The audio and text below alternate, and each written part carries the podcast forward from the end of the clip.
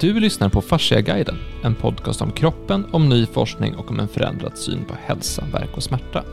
Jag heter Axel Bolin och idag sitter jag här med Per Johansson. Hej! Hej du! Och med Hans Bodin. Hej hej! Hej! Eh, så här är det ju att vi, vi träffades sommaren 2021, du och jag Per. Och så sa vi så här att vore det inte kul att jobba ihop? Mm, just Mm, det. Eller hur? För det, vi har ju någonstans tänkt åt oli- lika håll på olika sätt och vi ser lite på samma, på samma sätt kring vissa saker och sådär. Så jag tänkte det här vore ju kul att, det vore kul att podda ihop och kan vi utforska det här? Och sen så, så hade vi ett möte, vi tre, och så sen sa vi, ja men vad ska vi göra då? Och så sa vi att, ja men det hittar vi väl på. Ja, typ så. Ja, men pre- premissen var väl någonstans att om man, om man har samma, ungefär samma vilja och samma driv och samma, man vill, man vill ungefär åt samma håll, så kan det vara kul att samarbeta. Ehm, och sen så började vi jobba ihop för någon månad sedan och så sen så kom vi fram till att vi, vi har jobbat med någonting ganska länge och, men det är ganska, det har inte riktigt varit klart vad det är för något vi håller på med. Alltså vad, vi vet ju vad vi gör. Men vad är det vi gör egentligen? Vi vet ju att vi håller på med fascia och att det här förändrar sättet att se på kroppen och så vidare. Men, men vad är det, vad, vad innebär det här på riktigt? Och då började jag titta på så här, ska, vi, ska vi skriva böcker? Ska vi hitta på något, något manifest? Ska vi titta på vad, vad, är det, vad är det vi står för? Vad är, det- vad är det vi säger egentligen? Ja, men låt oss, låt oss gräva i det då. Och låt oss gräva i det som podcast, som ett podcastformat. Så att nu startar en, en ny serie av Fasciaguiden där vi kommer att försöka fundera på vad är egentligen vi håller på med? Och då är väl din roll Per i att försöka, försöka knyta ihop det här och, och fråga oss och bena ut i vad, vad är det vi håller på med? Och då har ju du fått eh, uppdraget här att välja ut lite, lite avsnittsrubriker eh, här. Och jag ska säga att det här är helt, eh, vi kör bara nu. Mm. Vi, vi har, det är inte något färdigt manus eller någonting, utan vi kommer utforska det här. Så att vi hoppas att ni tycker det är kul, ni som lyssnar, att vara med i det här utforskandet. Um, och då hade du ett första avsnitt du ville, det första ämne du ville ta upp. Ja, jag tänkte att det första, eh, ett första lämpligt ämne är att ställa en till synes märklig fråga, nämligen vad är en kropp? Eftersom vad ni håller på med här på fasciakliniken och fascia innovation, det är ju kroppsrelaterat, väldigt bokstavligt. Men samtidigt så innebär allt ni gör, um, eller så här, allt ni gör får konsekvenser och påverkar en massa andra saker som normalt inte tänks ihop med kroppen som en rent fysisk företeelse. Så, och det gäller ju oss alla i livet egentligen. Så jag tycker det är intressant att ställa en sån här lite märklig fråga och se hur långt man kommer. För att man kanske tar för givet. Om jag, om jag frågar vem som helst ute på gatan. Hallå där! Vänta, jag har en fråga. Eh, kan du säga mig bara, jag är så nyfiken, kan du bara säga mig helt kort, liksom, vad är en kropp egentligen? De skulle tycka jag var lite knäpp, antagligen. Eller också skulle de tycka, ja, det var ju en märklig fråga. Eh, och så skulle de kanske inse att eh, det var inte så lätt att svara på. Det luriga när du ställer den frågan, direkt tänker jag säga att, att det känns ju som att svaret är självklart. Ja, Exakt. men det är ju en kropp. Så. Men samtidigt så blir man, man, jag hittar inget sätt att förklara det på, så på rak arm. Alltså vad en kropp är. Alltså det, det, är inte ett, det känns som att det är ett enkelt svar, det känns som att det är ett självklart svar, men, men jag kan inte formulera ett enkelt svar så här på rak arm. Så det är ju Nej, någonting det är ju det som är så det. intressant. För det var det jag insåg själv. Om jag ställer frågan till mig själv. Vad är en kropp? Ja, okej. Det, är- det är någon fysisk företeelse som finns i världen. Och så kan jag, eftersom jag är på något sätt i min kropp. Jag vet inte om det är rätt uttryck egentligen. Om man ska vara riktigt filosofisk. Men eh, jag kan se ner på mig själv. Just nu som jag tittar ner så ser jag mina ben och mina händer. Och en del andra delar, kroppsdelar. Och ja, det är ju en kropp då. Och, och man kan ta på sig själv. Man kan ta på andra och det är kroppar. Och vi, mm, det är ett sånt där ord, kropp, som vi utgår från utan att ens någonsin, tror jag, under hela livet ha tänkt tanken vad det här ordet står för egentligen. Annat än någonting som är självklart givet. Och det är ju såklart självklart givet för att vi, är, vi existerar i kroppslig form. Och som lite filosofisk typ då så har jag alltid funnit ett, ett att det är väldigt fruktbart att ställa frågor om sånt vi tar för givet och Mm. självklart. Och bena ut det steg för steg. Och så plötsligt är det inte självklart längre, men samtidigt fullt begripligt hela vägen. Så jag hoppas Mm. att det är det vi kan lyckas med i det här programmet nu då. Att, att filosofera på ett sätt som steg för steg är fullständigt begripligt Mm. alltihopa, men som mynnar ut i att det här med kropp är något mycket mer och lite mera svårfattligt på ett sätt. Mm. För- Som Ja, jag kan ja. börja med att fråga er Mm. bara. Ja. Vad, vad, hur skulle ni svara? Eller hur skulle ni tänka om jag frågar det lite annorlunda? Må- många- Vad är er kropp? Mm. Alltså vad, vad mycket som... Det är, det är jättesvårt att fundera, alltså säga vad det egentligen är för någonting. För jag tycker att kroppen är både ändlig och oändlig. Och den är fysisk och icke-fysiskt. För det är mycket saker som finns i kroppen som man inte tror... Alltså det man har varit med om finns ju i kroppen. Var då någonstans? Det är ju, det är ju sinnligt. Eh, och konst, alltså det är... Men vi bär ju med oss en massa saker. Ungefär som att ut och gå så bär man med sig som en en kaskad av saker som finns i kroppen som man inte ens är medveten om att det finns i kroppen. Mycket av det som, mycket av det som vi pratar med kunder som kommer om det är ju eh, hur saker och ting som de har varit med om påverkar deras kroppar. Vilket de tycker är lite konstigt. Men det är inte konstigt egentligen. För det är ju det som händer, att vi är med om saker och ting. Det påverkar ju andning, alltså en massa saker som händer. Mm. Eh, och det, alla brukar bli, alla blir lite fascinerade när de förstår att, att de är allting på en gång. Att de inte bara är ett knä eller en, att knät kan sitta, alltså att, allting sitter ihop. Att, att mycket mer saker som, eh, att det är mera, mera komplext och dynamiskt än man tror att det egentligen är. Att, att man kan, att, att vissa saker kan tynga en så mycket så att man till och med kan gå ut och forska om saker och ting hela sitt liv för att hitta svaret på någonting som är ganska enkelt. Som något litet barn har ställt från början. Varför är det så här? Så att jag tror att kropp, kropp för mig, det, det tror jag man... Ehm, det tror jag man... Man blir lite... Ehm, man blir förvånad och överraskad hur levande vi är. Eh, på något sätt. Och det är mycket det som, när vi hade en utbildning som var i helgen som var om, om cervikalen, om, om, eh, om hu, huvudet, vad som händer och runt omkring och vad, vad, vad som händer. Det, alla var ju jättefascinerade av vad som hände i kroppen. Och vad sluten vart efter att du hållit på med huvudet en hel dag, fast fysiskt. Eller en och en halv dag. Vad säger du Axel? Alltså jag skulle nog, om, om jag tog mig an den här frågan, eh, om vi säger så här, jag, jag har ju ofta tränat på att byta perspektiv, alltså perspektiv, se saker från olika sätt. Jag skulle kunna ta mig an den här frågan på ett sätt, som skulle vara, framförallt för en massa år sedan hade jag gjort det så här. Att ja men en kropp, ja men det är, och jag har också läst en hel del anatomi och fysiologi.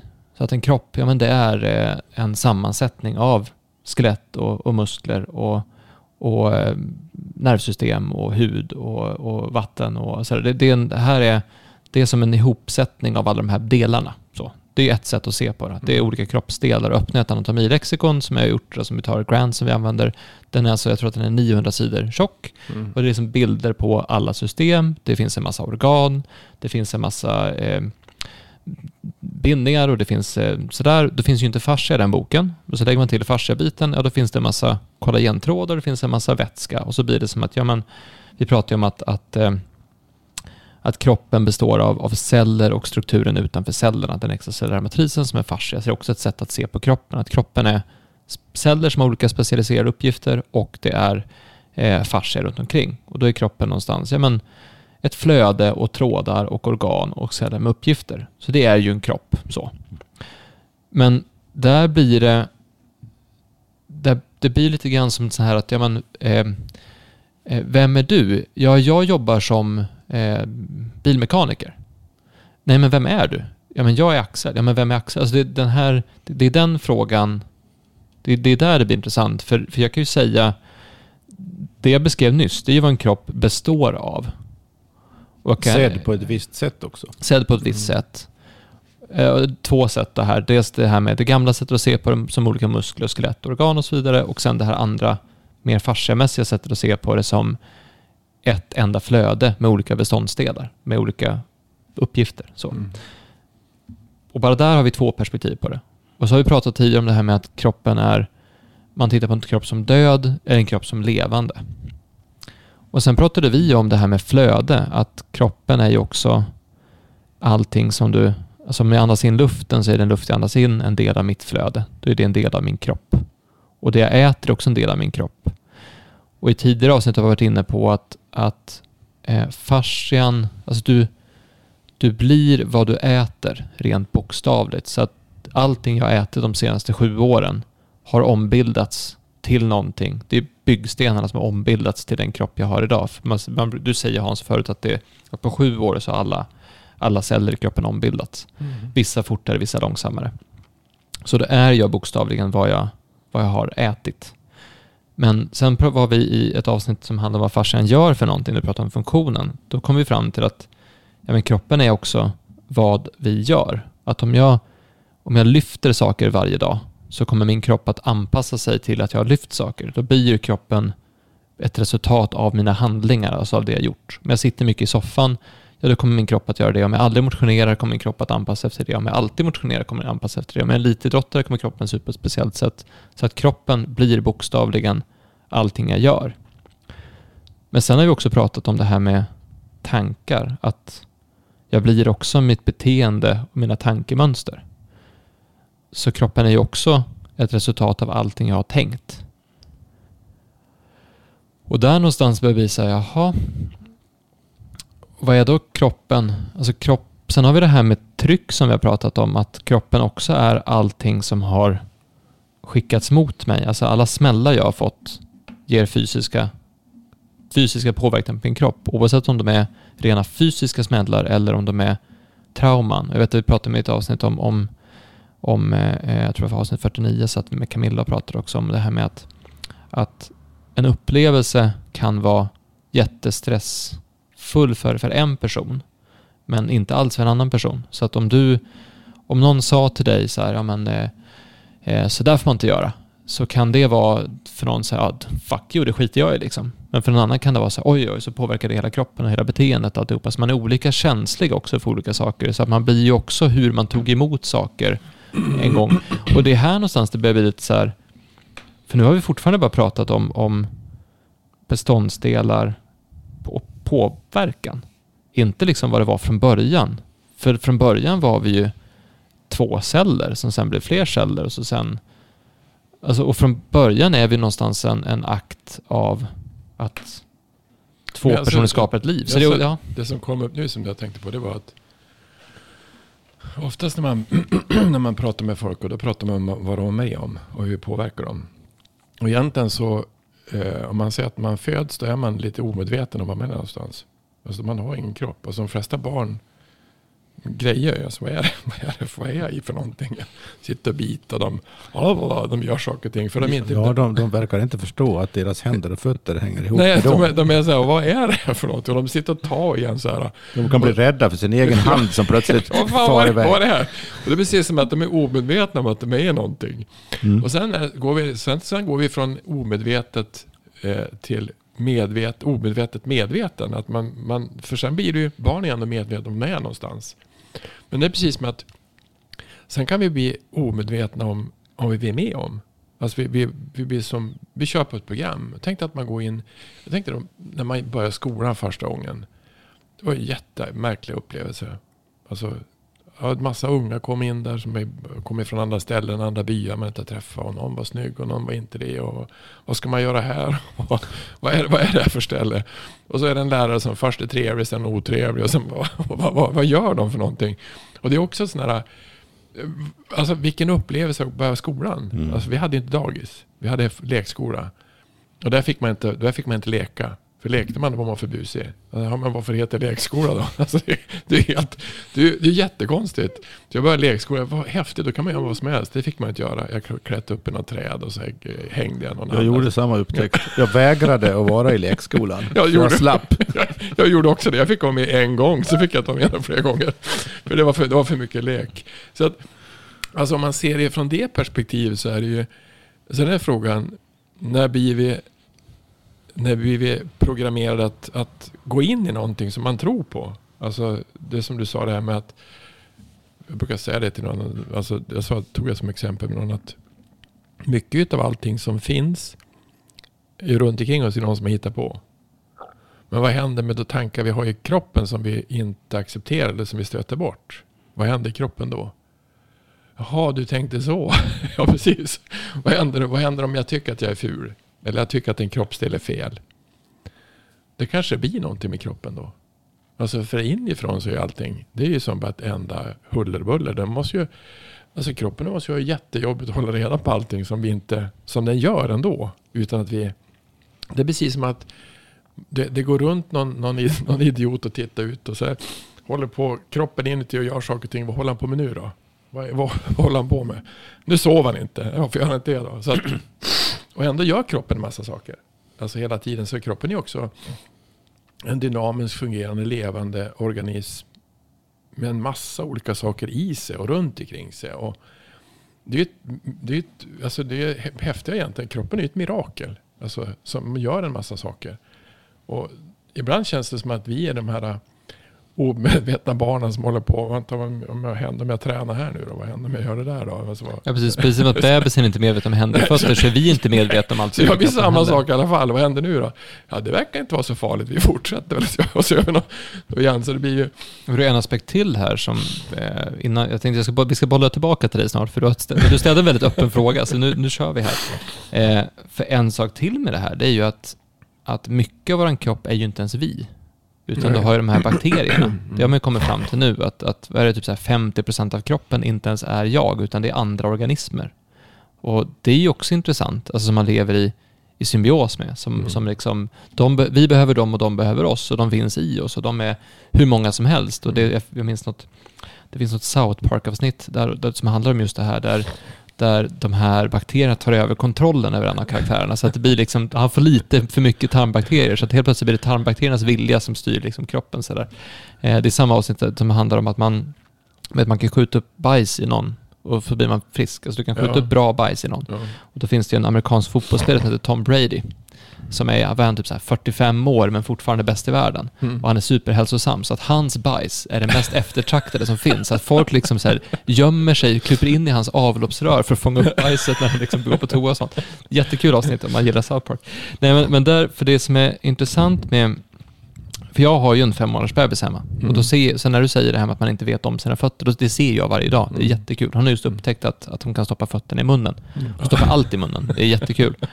Eh, men det som är häftigt också där är att alltså när hon blir, när hon har en känsla, då har hon känslan i hela kroppen samtidigt. Så att när hon blir glad, då sprattlar armarna, benen och hon liksom mm. skjuter ifrån och trycker dit och sparkar och liksom sådär. Alltså, hela, hela känslan är i hela kroppen samtidigt. Mm. Det finns liksom inte så här, jag ler, när jag ler och gör någonting med armarna. Mm. Det är alltid ihop. Eh, och man märker ju någonstans att, att hon tycker att det konstigt det här med kroppen. Alltså det är någonting som är mär alltså det, det, är svårt. Det är också där hon har lite obehag ibland också. Att så här hur... Och det var någon som, jag läste det igår, eller min fru visade det för mig igår, att man ska ha tålamod med, med små barn, vilket man oftast inte har när man inte sover sådär. För någonstans är det ju så att de har ju i nio månader levt i en miljö som är varm, mörk, blöt, man hör alltid ljudet av någon annans hjärtslag, man hör alltid Alltså det är alltid, det är alltid, den miljön är väldigt speciell. Mm. Och då komma ut i den här världen och ligga in, i en ensam i en säng till exempel, eller vara ensam i ett rum och inte höra andetag eller hjärtslag. Mm. Att eh, temperaturskillnaderna förändras. Alltså det måste vara en jätteomställning att gå från ett liv inuti en mage till att mm. gå. Hon har ju fortfarande varit längre i magen än utanför magen. Mm. Så det måste vara en jätteomställning. Mm. Och det är också intressant, för det kommer ju, apropå det här med var kommer kroppen från? Det, det här med att vi kan skapa liv, eller att, att kvinnokroppen kan skapa liv med, med hjälp av en man. Eh, det är det är otroligt eh, fascinerande. Alltså bara som, som grej. Tänk dig att, det brukar jag säga till min fru, tänk dig att, att den här kommer från oss. Mm. Det är väldigt, det är väldigt eh, storslaget när man tänker på det, var barn kommer ifrån. Eh, ja, där är väl min eh, fundering på vad är en kropp innan vi får höra vad du har tänkt ut. Nej, men det är inte så mycket frågan frågan vad jag har tänkt ut, utan jag, jag, jag, ville ställa den här frågan först för att få... Eh, jag hade en viss förväntan att jag skulle få den här typen av, av svar. Och vad då, I övrigt har jag bara tänkt att vi kan eh, pröva lite olika tankar i förhållande till olika kroppsdelar och sinnesorgan och sånt där.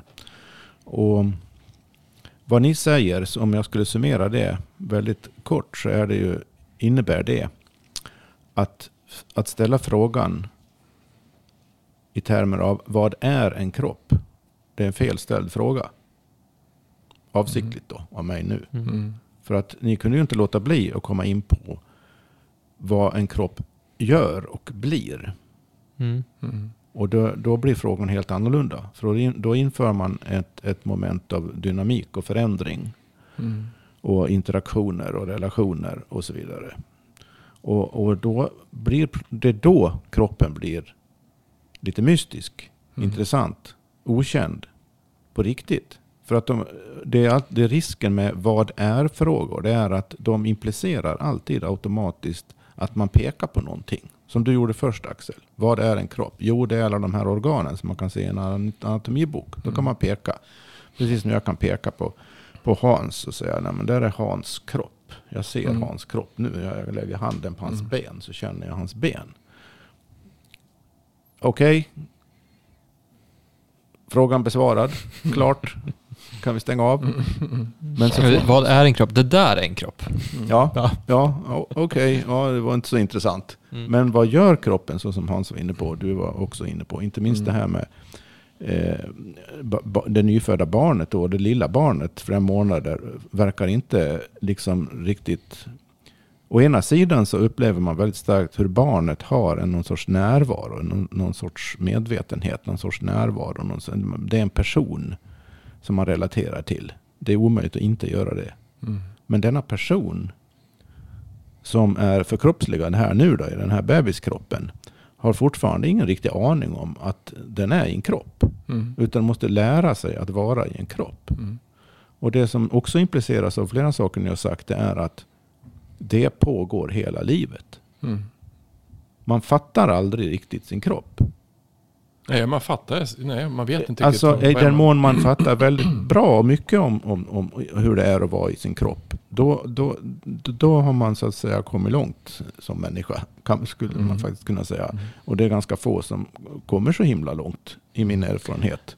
Och det finns så otroligt, även med, vid min ålder nu, så, så är det så otroligt mycket som jag inte har koll på och fattat. Och det finns alltid mycket saker som ingen någonsin kommer att fatta. Som kroppen bara gör av Mm. sig själv. Mm. Så att fastän vi är så otroligt intimt förenade med våra kroppar. eller hur? Vi Mm. kommer liksom inte ur, ur dem. Så länge vi är här på jorden och lever och inte har dött Mm. så kommer vi inte ur våra kroppar. Så det är väldigt intimt. Det är därför det blir så konstigt att vi ändå inte...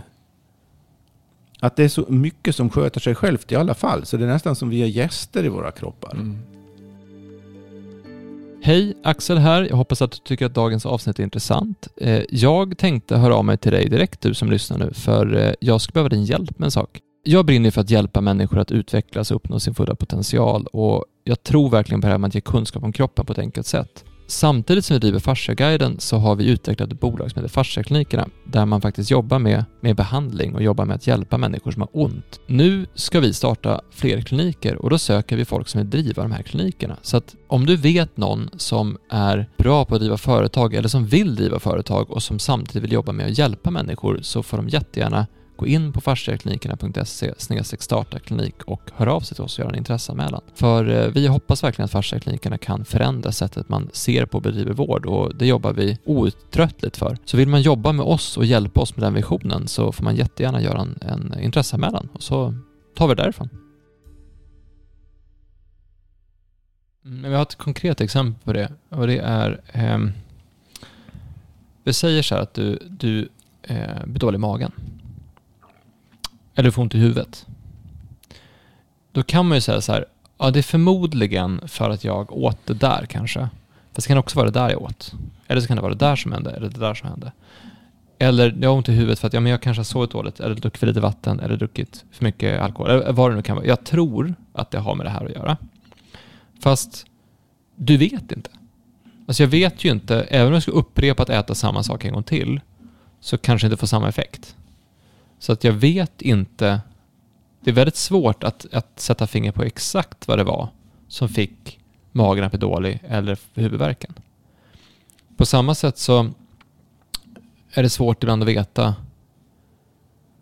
hur någonting läker och hur det ska gå till. Alltså, jag har till exempel en, eh, eh, nu vet jag i och för sig orsaken, tror jag, men att jag, eh, jag åt åt någonting för en vecka sedan som rispade upp eh, eh, tandköttet på ett ställe. Eh, som, som kan hända. Eh, det var, det var lite för hårt, jag tuggade för dåligt, jag åt lite för stressat. vet, den typen av så. Fel mat kanske på fel sätt, men jag fick i alla fall ett sår i munnen. Och när man inte har ett sår i munnen, då tänker man aldrig på det. Men när man har ett sår i munnen, då är det konstant närvarande hela tiden. Varenda gång du äter, varenda gång du dricker. Tungan söker sig automatiskt dit och så vidare. Och det, det är fruktansvärt påtagligt att ha ett sår i munnen. Det tror jag alla kan relatera till. Man har bitit sig i kinden till exempel, då känns det där. Så det, det är verkligen där. Och du, hur läker det där då? För det läker ju, men hur läker Kan jag påskynda läkningen? När läker det? Läker det olika beroende på vad jag gör? Kan jag göra någonting för att det ska läka fortare? Och det där, det är så svårt att sätta fingret ibland på vad det sen var som gjorde att det läkte. Var det tiden eller hjälpte det att jag, för jag fick då höra från eh, som jobbar här att man, ska, man kan borsta tänderna med MSM, alltså med organiskt svavel. Eh, och då nu borstar jag inte tänderna med MSM, men jag tar MSM i munnen och googlar runt det och då tänker jag, men det har faktiskt gett någon effekt nu. Eller var det bara att det tog att få tiden? Alltså det är så svårt mm, att... Även om det, det här är min kropp, jag borde kunna inte, fråga kroppen. Det, har varit, det kan vi prata lite mer om sen, att man kan fråga kroppen om saker. För det har Hans erfarenhet av. Men, men det är ju... Trots att jag är i den här kroppen så är det fortfarande svårt att förstå den. Även om man har läst mycket, sett mycket, testat mycket, känt mycket, gjort mycket så är det fortfarande väldigt svårt. Det är svårt att förstå den på flera olika sätt. För att eh, när, man, när man pratar om att förstå, förstå sig själv, förstå sin kropp, för, förstå vad som händer, för att förstå, förstå vad som händer när man har ett sår i munnen. Och, och, och, man skulle kunna ha 2000 andra exempel på som skulle kunna hända som man vill förstå. Um, det finns ju olika sätt att, att, att, förstå då, olika källor till kunskap. Den mest omedelbara källan till kunskap om, om, om ens egen kropp, det är ju man själv i sin upplevelse i kroppen. Det är ju en kunskapskälla som väl är ganska undervärderad många gånger i vår kultur i alla fall. En mm. annan kunskapskälla det är ju att betrakta kroppen som någonting yttre. Inte som någonting som man är, är i och intimt förenad med. Utan som, som något sorts objekt. Och det, det är då man börjar tänka på kroppen som någonting som man kan manipulera på olika sätt och påverka med olika sätt med yttre, yt, yttre saker. Och det är inte det att det är fel. Men det blir, två, det blir två olika perspektiv och jag tror vi behöver ha båda för att förstå olika saker av olika anledningar och för olika syften. Men om den ena sidan överbetonas så missar vi en massa potentiell förståelse som kan vara av stor, låt oss säga, intim betydelse för oss också. I, i intim då i den här betydelsen jag var inne på nu, att vi är intimt förenade med våra kroppar. Vissa saker kan vi kanske bara egentligen förstå genom vår egen inre upplevelse av det. Medan andra saker kommer vi inte åt på det viset överhuvudtaget. Mm. Och då behöver vi den här objektiva eller objektiverande förståelsen. Till exempel och man mäter olika saker. Hur mycket magnesium eh, finns det i blodet eller något annat? Nu vet inte jag om man mäter magnesium som himla bra i blodet nödvändigtvis. Det spelar ingen roll. Eh, bara som ett exempel, eller om man mäter pulsen med en apparat istället för att liksom känna efter själv hur är min puls. Mm. Det är ju ett sätt att veta något om sin puls, att bara känna efter själv. Ja, eller Vilket kan en vara bild svår- av... Ja, Vilket kan vara svårare än man tror och, Mm. och bli varse sin egen puls faktiskt. Mm. Hur, den, hur den är. Och så kan man, eh, då finns det ju yttre mätmetoder då. när Man kan mäta pulsen. Då, då, då får man tillgång till en annan typ av kunskap om, om pulsen. I andra traditioner än vi är vana vid här i väst, som i Kina och Indien. Där, där eh, i traditionell kinesisk medicin så finns det ett, ett flertal olika sätt att känna olika pulser som är relaterade till vad man ser som olika organsystem Mm. där. Och det är ju inte någonting då som jag kan inte känna det på mig själv eftersom jag inte är i, i, utbildad i den sortens medicin. Och det Mm. kanske är svårt även för den som är då att känna allting på sig själv. Mm. Men en annan person kan lägga sin, sina fingrar på olika sätt på mig och känna av någonting i realtid som är subjektivt för den, person, för, för den personen i, i dess erfarenhet. Det är ju en direkt kännedom i den personen utifrån viss erfarenhet och utbildning då. Mm. Som, är väldigt, som också är yttre i förhållande till mig för ett, på ett sätt. Men det är inte yttre i samma mening som den här artificiella pulsmätaren. Mm. Så att det finns, här har vi då tre olika sätt egentligen att känna kroppen. Själv, oavsett vilken, vad man fokuserar på. Man kan själv vara kunskapskälla till väldigt mycket. Man kan ha objektiva kunskapskällor i form av olika mätningar. Och man kan ha en annan person som Mm. kunskapskälla. Mm. Men måste jag nästan, för jag säger det nu när jag ändå har det på, för det här med att känna och se sig själv är ganska intressant. Därför att om du tar, eh, och att man då är gäst i sin egen kropp, vi var inne på nyss också. För vi, vi hade en, en gammal sak vi gjorde 2010, 11, 12, 13 någonstans, vi ska återinföra nu. Det är att vi, vi tog bilder på folk, på folks balans och hållning. Alltså vi fotograferar folk bakifrån, framifrån, från sidan i profil och så vidare för att se, få en bild av hur du ser ut. Därför att när du tittar på dig själv i en spegel, eller när du är i din kropp, då ser du vissa saker. Men får du se en bild av dig själv, då är det så här, oj, är det så jag ser ut? På samma sätt som att, att om jag tittar mig i spegeln, så, men tar någon ett- en fotografi av mig och jag tittar på fotografiet, då ser jag någonting, då ser det lite annorlunda Mm. ut än när jag ser det. Så att när man ser sig själv genom ett sånt medium så blir det annorlunda. Mm. På samma sätt så brukar man ju säga Där har du alltså ett fjärde sätt. Mm. Till, Ja. Fjärde källa till kunskap. Mm. För, för det man brukar också säga att, att det är lätt att eh, det kan vara svårt att se sig själv, men det är lätt att se andra. Så att jag kan ju se, vi säger Hans, jag kan se ett beteende hos dig som inte är bra, säger vi. Mm. Jag kan, jag kan se det hos dig, du gör så här, det här är inte bra, säger vi. Eller jag kan se, du borde kunna lösa det på det här. Jag kan se lösningar på dina problem som du kanske inte kan se och du kan se dem hos mig. Det är svårt ibland att se, se sina egna brister och det, det finns ju också den här, eh, vad säger man, ta ut, ta ut, innan du tar ut stickan i din Björk, björken. Innan du ser st- stickan i din broders eh, öga, ta ut bjälken ur ditt eget. Liksom. Alltså, något sånt där. Just för att det är så... Det är lätt att se, se fel hos andra, men det är svårt att se dem hos sig själv. Och det är också någonting som... Varför är det så svårt att se det hos sig själv? Det är också en bra fråga. Ehm, för att om jag... Att det, det är här som är slut. Om jag då är min kropp och jag är ett beteende, ett tankemönster, ett vanemönster, allt jag har rört, alltså hur jag har rört mig, hur jag har agerat, hur jag har ätit, eh, vad jag har utsatts för. Så, och så är jag alla de här organen och kroppsdelarna och jag är fascian och flödet och jag är hela den här biten. Men ändå har jag så li- lite koll på det. Även om jag är medveten så har jag så lite koll på det. Det blir väldigt, väldigt märkligt. Det är ju som att jag, alltså det är ju som att jag, vi har ju sagt att jag har ju testat att meditera på att jag är min kropp. Men är jag min kropp? Mm. Det, jag funderar på, alltså är, är det, man... det finns en annan sak som är int- intressant. Som du sa, gäst i min kropp. Men vilken kropp är jag gäst i?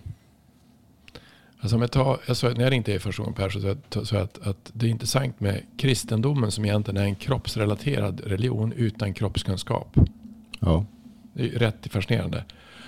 Det som är, det som är om man tittar på, eh, jag brukar säga till min mamma, så hade jag, hade jag bott i, hon är ju kristen, hade jag bott i, hade jag varit född i Egypten hade jag varit muslim.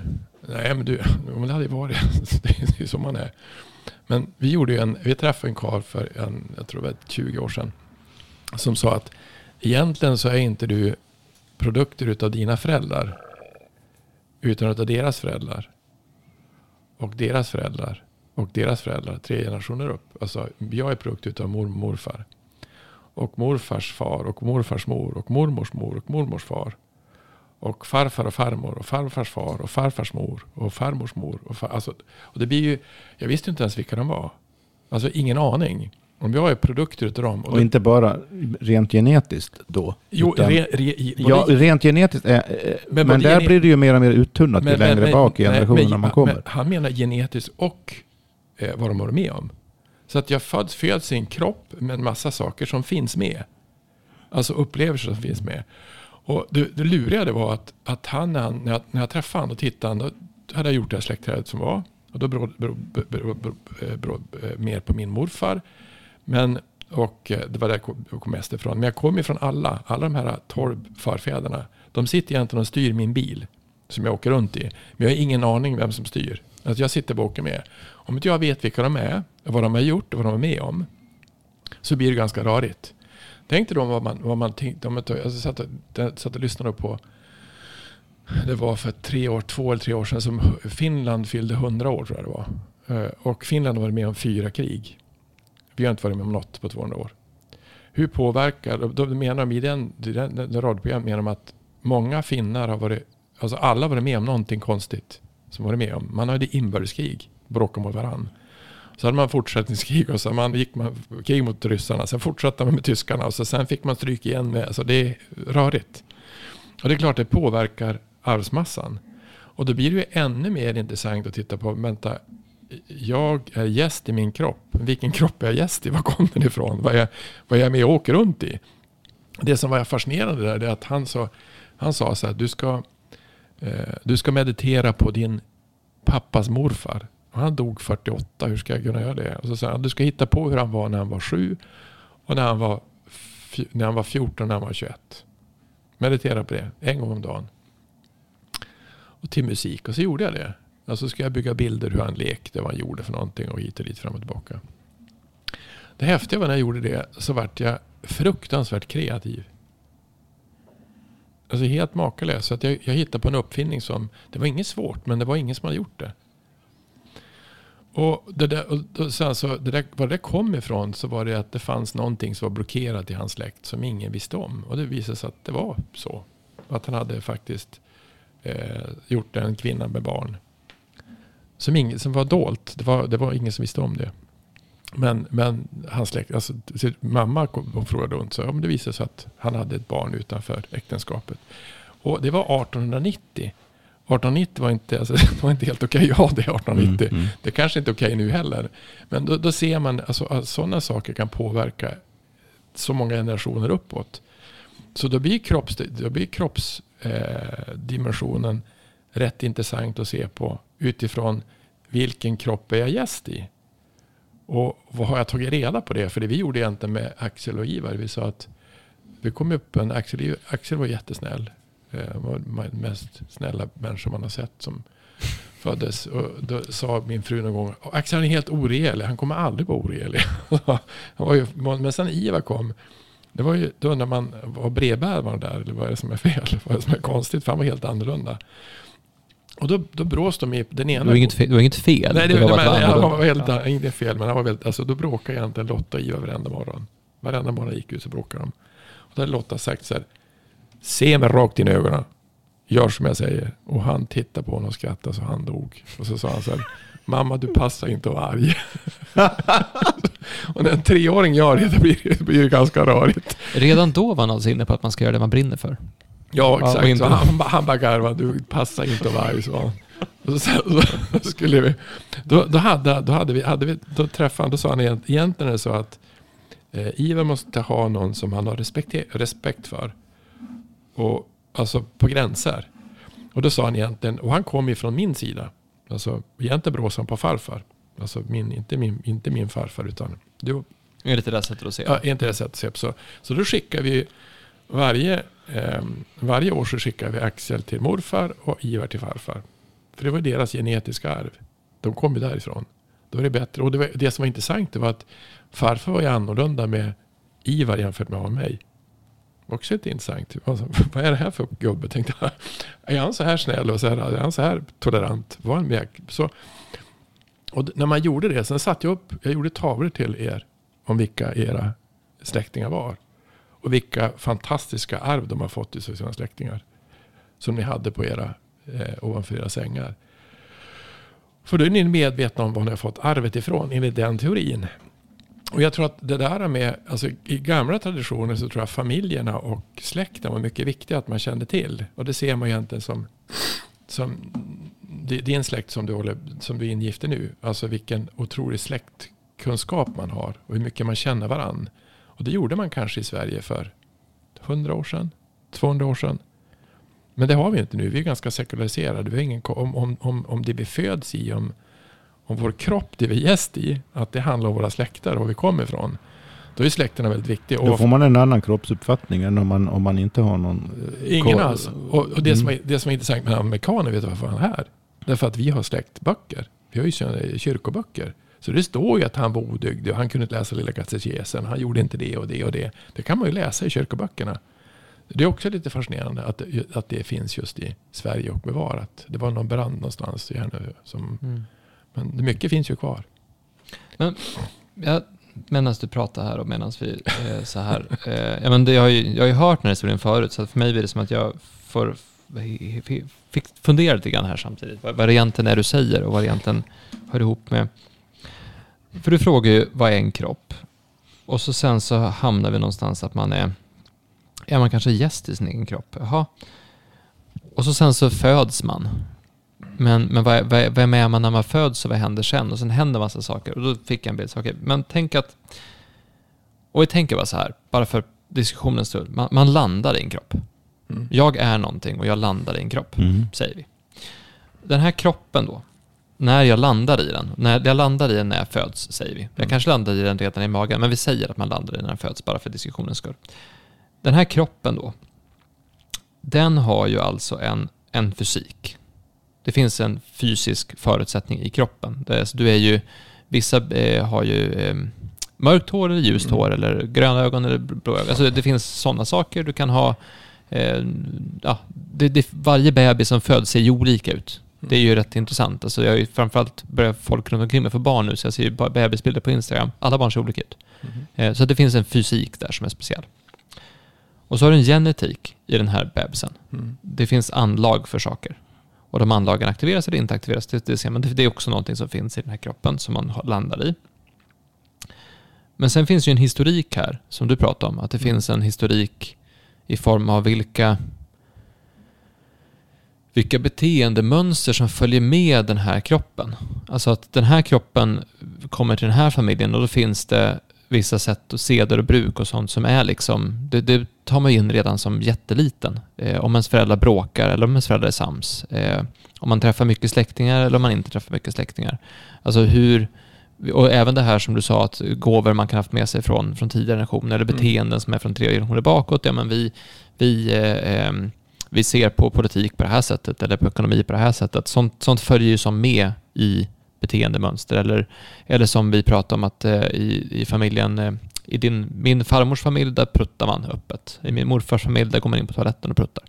Alltså det är sådana små saker som, det är alltså jättestor grej. Så att när min farmor stod i köket och, och pruttade högt och mamma satt där så hoppade hon till. Så här, vad, vad är det som händer liksom? För det är olika kulturer. Kulturen någonstans där. Och sen har man också egenskaper som, som du sa, att alltså, jag har ju märkt att jag har vissa egenskaper som jag kan koppla till min morfar eller farfar eller mormor eller farmor. Precis som jag kan se hos mina kusiner att vi är släkt. Det finns någonting i hur man för sig, hur man talar, hur man... Det är någonting med, eller, eller vad man har talang för, som, som går igen. Alltså vissa talanger går igen i släkter. Sångröster till exempel, eller, mm. eller äh, vissa konstnärskap, konstnärliga ådror pratar man om. Mm. Det finns ju vissa sådana saker som, som någonstans följer med i det här. Det är inte någonting som Alltså alla kanske inte kan lära sig att bli musikaliska genier. Eller alla kanske inte har förmågan att bli eh, jätte, jättebra på att sjunga. Utan det här är någonting, det kommer, som, det, det kommer med paketet när man föds. Vissa sådana. Man kan lära sig vissa saker till en viss nivå, men just vissa saker kan man kanske inte, det kanske inte är så att alla kan lära sig sjunga till exempel. Mm. Och sen så är vi också, sen landar jag också i någon form, i någon form av miljö. Alltså, eh, jag är född i Stockholm. Och Stockholm är på ett visst sätt. Både på sjukhuset och hur det var. Alltså det, det är en miljö som, som är färdig, som jag landar i. Alltså i, min, i mitt första hem, eh, där jag landade i, där fanns det motorljuds, motorvägsbrus. Eh, det var en luft som hade viss typ av eh, kvicksilverhalt i säkert. Eh, det finns en eh, viss typ av elektrisk miljö i Stockholm jämfört med hur det är i mitten av Lappland till exempel. Det är en annan atmosfär, ett annat tempo. Vi pratade förut om att, att beroende på miljön så kan tid upplevas på olika sätt. Det, det är också någonting som, och det här, nu, det här är alltså innan jag tar mitt första andetag, så är det här det som är här. För sen när jag väl tar mitt första andetag och börjar liksom leva, då finns det massa olika typer av tryck som kommer. Alltså tryck i form av tankar, belastningar, känslor, saker jag är med om, upplevelser, det vi har pratat om i tidigare avsnitt. Och så finns det massa störningar som är just för där jag är. Jag kanske flyttar från, från eh, Rättvik till Borlänge, som du gjorde. Mm. Det, det blir en annan typ av störning, en annan typ av tryck. Så där någonstans är vi också i den här biten. Vi pratar fortfarande om vad en kropp är för någonting. Och vi har inte ens pratat om vad jag är. För, det, för det, jag, nu tar vi fortfarande det här som att jag landar i det. Sen så är det så med din berättelse om Ivar, att någonstans finns ju en passion. Alltså redan när han var liten så sa han, det passar inte att du är arg. Mm. Hur gammal var han då? Två, tre? Två eller tre år sedan. Och det, det är ju väldigt likt det som är hans passion och personlighet idag. Mm. Att du ska göra det du passar till att göra. Du ska göra det du brinner för. Du ska göra det som är du. Du ska vara den du är. Och jag har ju en, en, en passion i att eh, förstå och uppnå den maximala potentialen jag kan nå. Och att alltså, förstå mig själv, förstå vad jag skulle kunna bli, förstå hur man blir så, så mycket som möjligt. Och det är också någonting jag, jag gärna ser hos andra. Så jag har ju, jag har ju alltid velat... Min passion är att få människor att förstå vilka de skulle kunna vara och säga att du kan vara större än vad du är och du, du skulle kunna vara mycket, mycket mer. Det är ju det som driver mig och har drivit mig väldigt, väldigt länge. Men det är ju någonting som jag även gjorde när jag var väldigt, väldigt, väldigt liten. Jag minns någonstans att det var det jag... Jag minns ögonblick av när jag har försökt säga åt en människa att de är större än vad de tror att de är. Alltså redan när jag var jätte, jätteliten. Jag kan inte placera det, men jag minns att det var så här. Och det är frågan, var kommer, var kommer den passionen ifrån? Kommer den från Kommer den från kroppen? Att det som var historiken, egenskapen? Eller är det eller, något land, annat? eller landar den i kroppen? Är det den som landar? Och då är vad, vad, vad är det som landar? Mm. Och där går det att går det att säga att det inte är något som landar? Alltså går det att förklara det här utan att det är något som landar i kroppen? Ja, jag skulle svara nej på den frågan. Men det är in, vid det här laget så kan man sammanfatta allt ni har, ni har berört i två meningar. Korta meningar. Den ena meningen är Inget undgår kroppen. Mm. I den levande kroppsliga existensen så finns det ingenting som undgår kroppen. Mm. Vare sig det är sociala relationer, luftföroreningar, släktingar, ideologier, mat. Det spelar ingen roll. Ni har räknat upp massor av olika saker här som allihopa oundvikligen, ofrånkomligen påverkar Mm. kroppen. Så kroppen är hela tiden med. Ingenting undgår kroppen. Men den andra meningen. Väldigt mycket som undgår en själv. Mm. Det är ju en, en, en väldigt intressant, vad ska man kalla det? Paradox är inte riktigt rätt. Um, det är ett tecken, jag ser det som ett tecken på att det är en djup gåta i själva existensen här. Som har att göra med vår kroppsliga existens och, och vad, vad, vad vi är, vad jaget är, vad den här passionen du talade om Axel är. Jag, jag ska lägga till tre egna upplevelser som gör det ä- ännu egendomligare egentligen. Och det är att när jag var fyra år så opererades jag för en blindtarmsinflammation på Mora lasarett.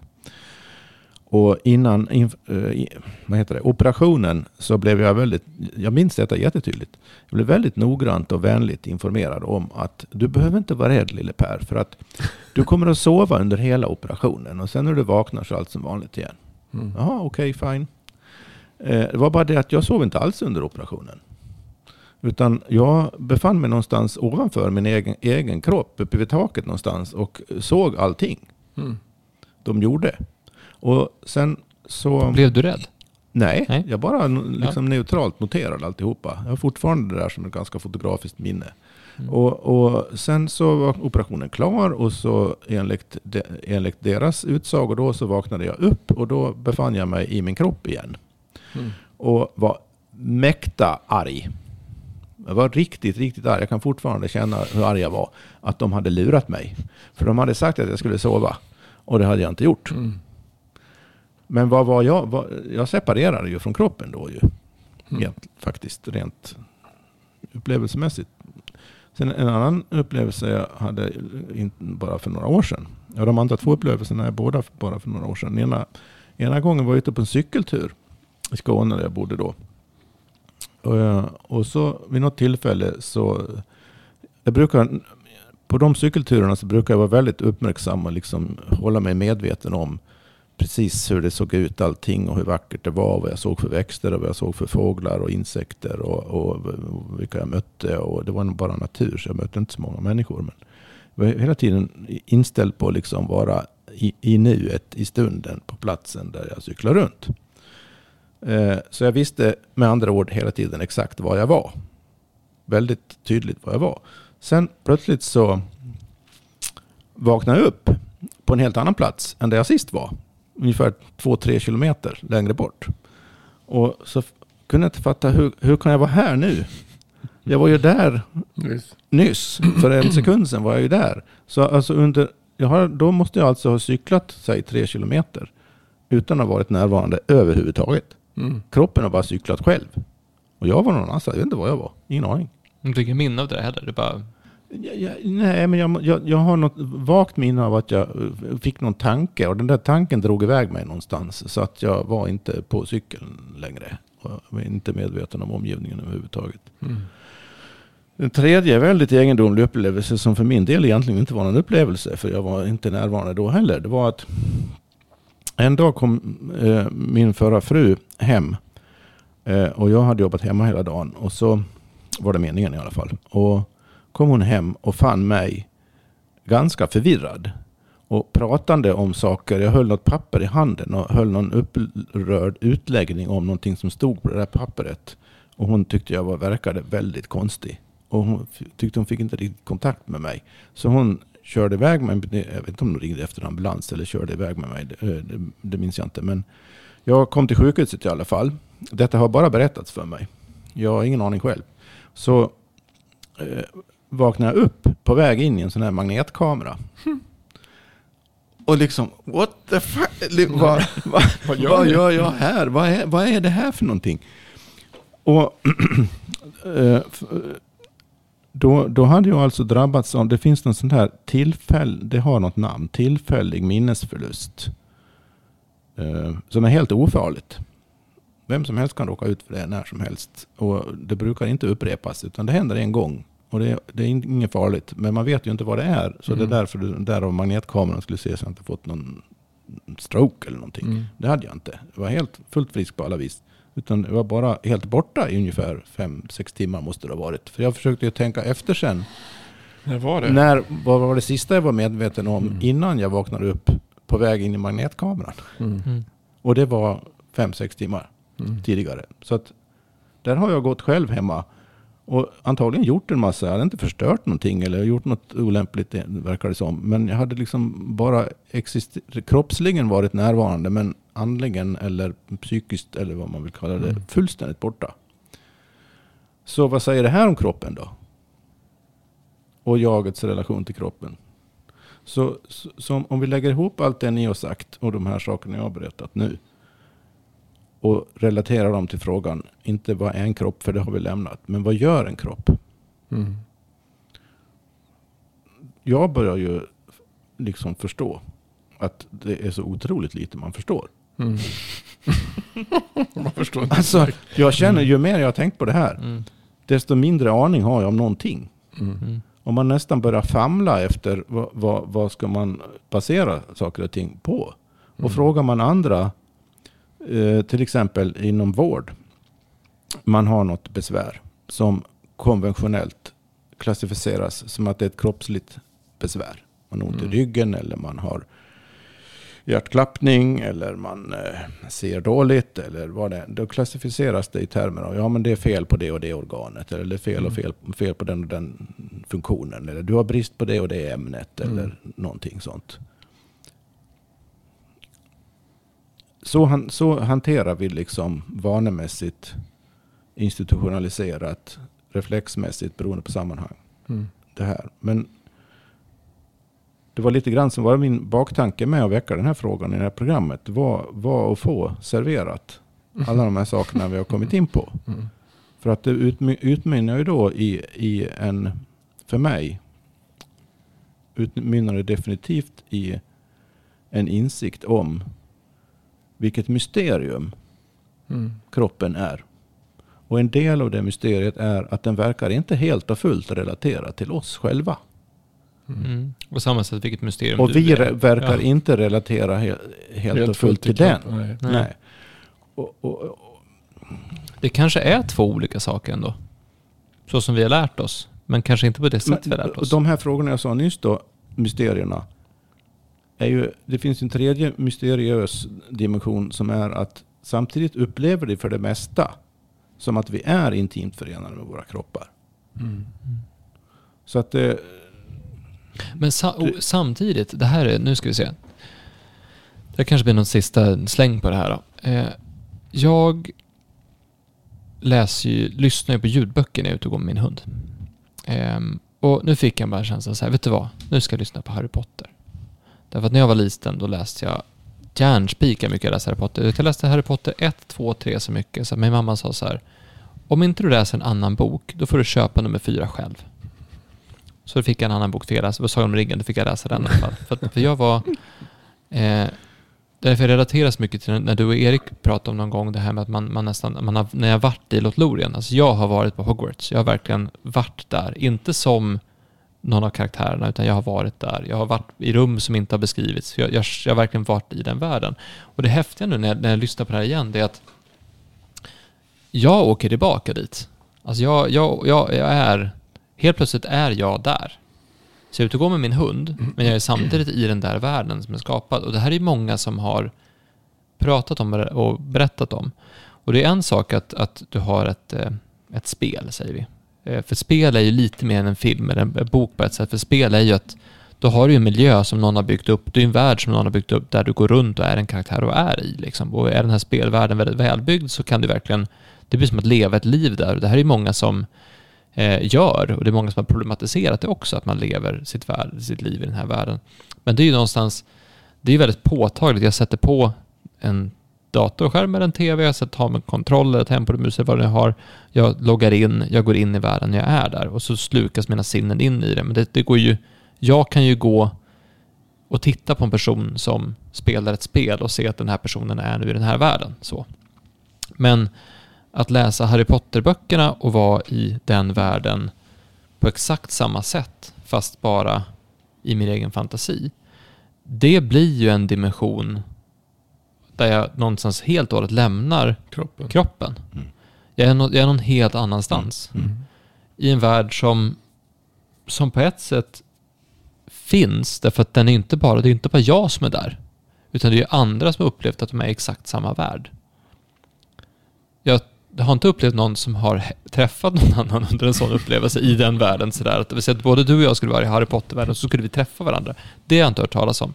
Men, men lika fullt så, den världen för mig är så stor så att det är bara som att öppna en dörr och kliva in i den. Sen är jag i en helt annan värld. Och det är också någon form av tecken på att det här är det här är någonting annat. Det, det, är, det kanske finns någon form av va, va, va, vem är det som är där då? Då kan man kan också fråga sig, um, givet det du just sa, den frågan. Vad, att, om, om vi utgår från att det är, det verkar ju utmynna i det, rent erfarenhetsmässigt. Att det är en skillnad mellan, vi kallar det jag då, upplevelsen av att vara någon. Det är en skillnad mellan det och kroppen som denna någon befinner sig i. Och från första stund håller på att lära sig vad man ska ha den till ungefär. Det, det är kanske är så man ska formulera. Det blir en gan- ganska intressant sätt att formulera frågan om livet egentligen. Och levandet. Vad ska vi ha de här kropparna till nu när vi är i dem? Mm. Vad kan en kropp göra? Vad kan en kropp göra möjligt för oss att uppleva, upptäcka och så vidare? Mm. Då, då, då blir det en helt annat förhållningssätt till den kroppsliga existensen. Lite med vad kan jag bli tillsammans med min kropp? Just det. Mm. För, för det är en, en sista bara tanke som jag tänkte, det här kan vara som en som avrundning då, för det som är, när man ser det här med cellombildning, alltså när man tittar på Strolling Under the Skin och ser just hur mycket allt omformas hela tiden, när man inser hur mycket av kroppen som bygger om sig själv hela tiden, så att om du på sju år har en helt ny kropp, du kan alltid bygga om kroppen. Tänk om, tänk om man skulle kunna påverka den processen. Mm. Alltså det, det vi att man har gjort, men alltså någonstans om allting i min kropp byggs om hela tiden, om kroppen re- regenererar sig själv, vad innebär det då för mig som bor i den här kroppen? Och hur stort inflytande kan jag ha över det? Mm. Ja. Mm. Då, eh, jag känner nu, jag, jag, eh, det är väldigt intressant det här hur eh, ett program kan gå iväg i en riktning som blir väldigt innehållsrik men som inte stämmer överens alls med hur jag först föreställer mig. eh, nu skulle jag säga att det här programmet är en väldigt bra inledning till en mycket mer specifik behandling av vad en kropp är. Eller frågeställningar kring kropp är. Som Mm. fok- fokuseras på väldigt specifikt, både rent fysiskt och upplevelsemässigt, på olika sinnesorgan och olika kroppsfunktioner. Som Mm. jag hade tänkt att det vore intressant att tänka på. Eh, Just för att få tydligare grepp om vad kroppen är och gör. Med bakgrund från de frågor som har väckts nu i det här programmet då, så tror jag de, den undersökningen blir extra intressant faktiskt.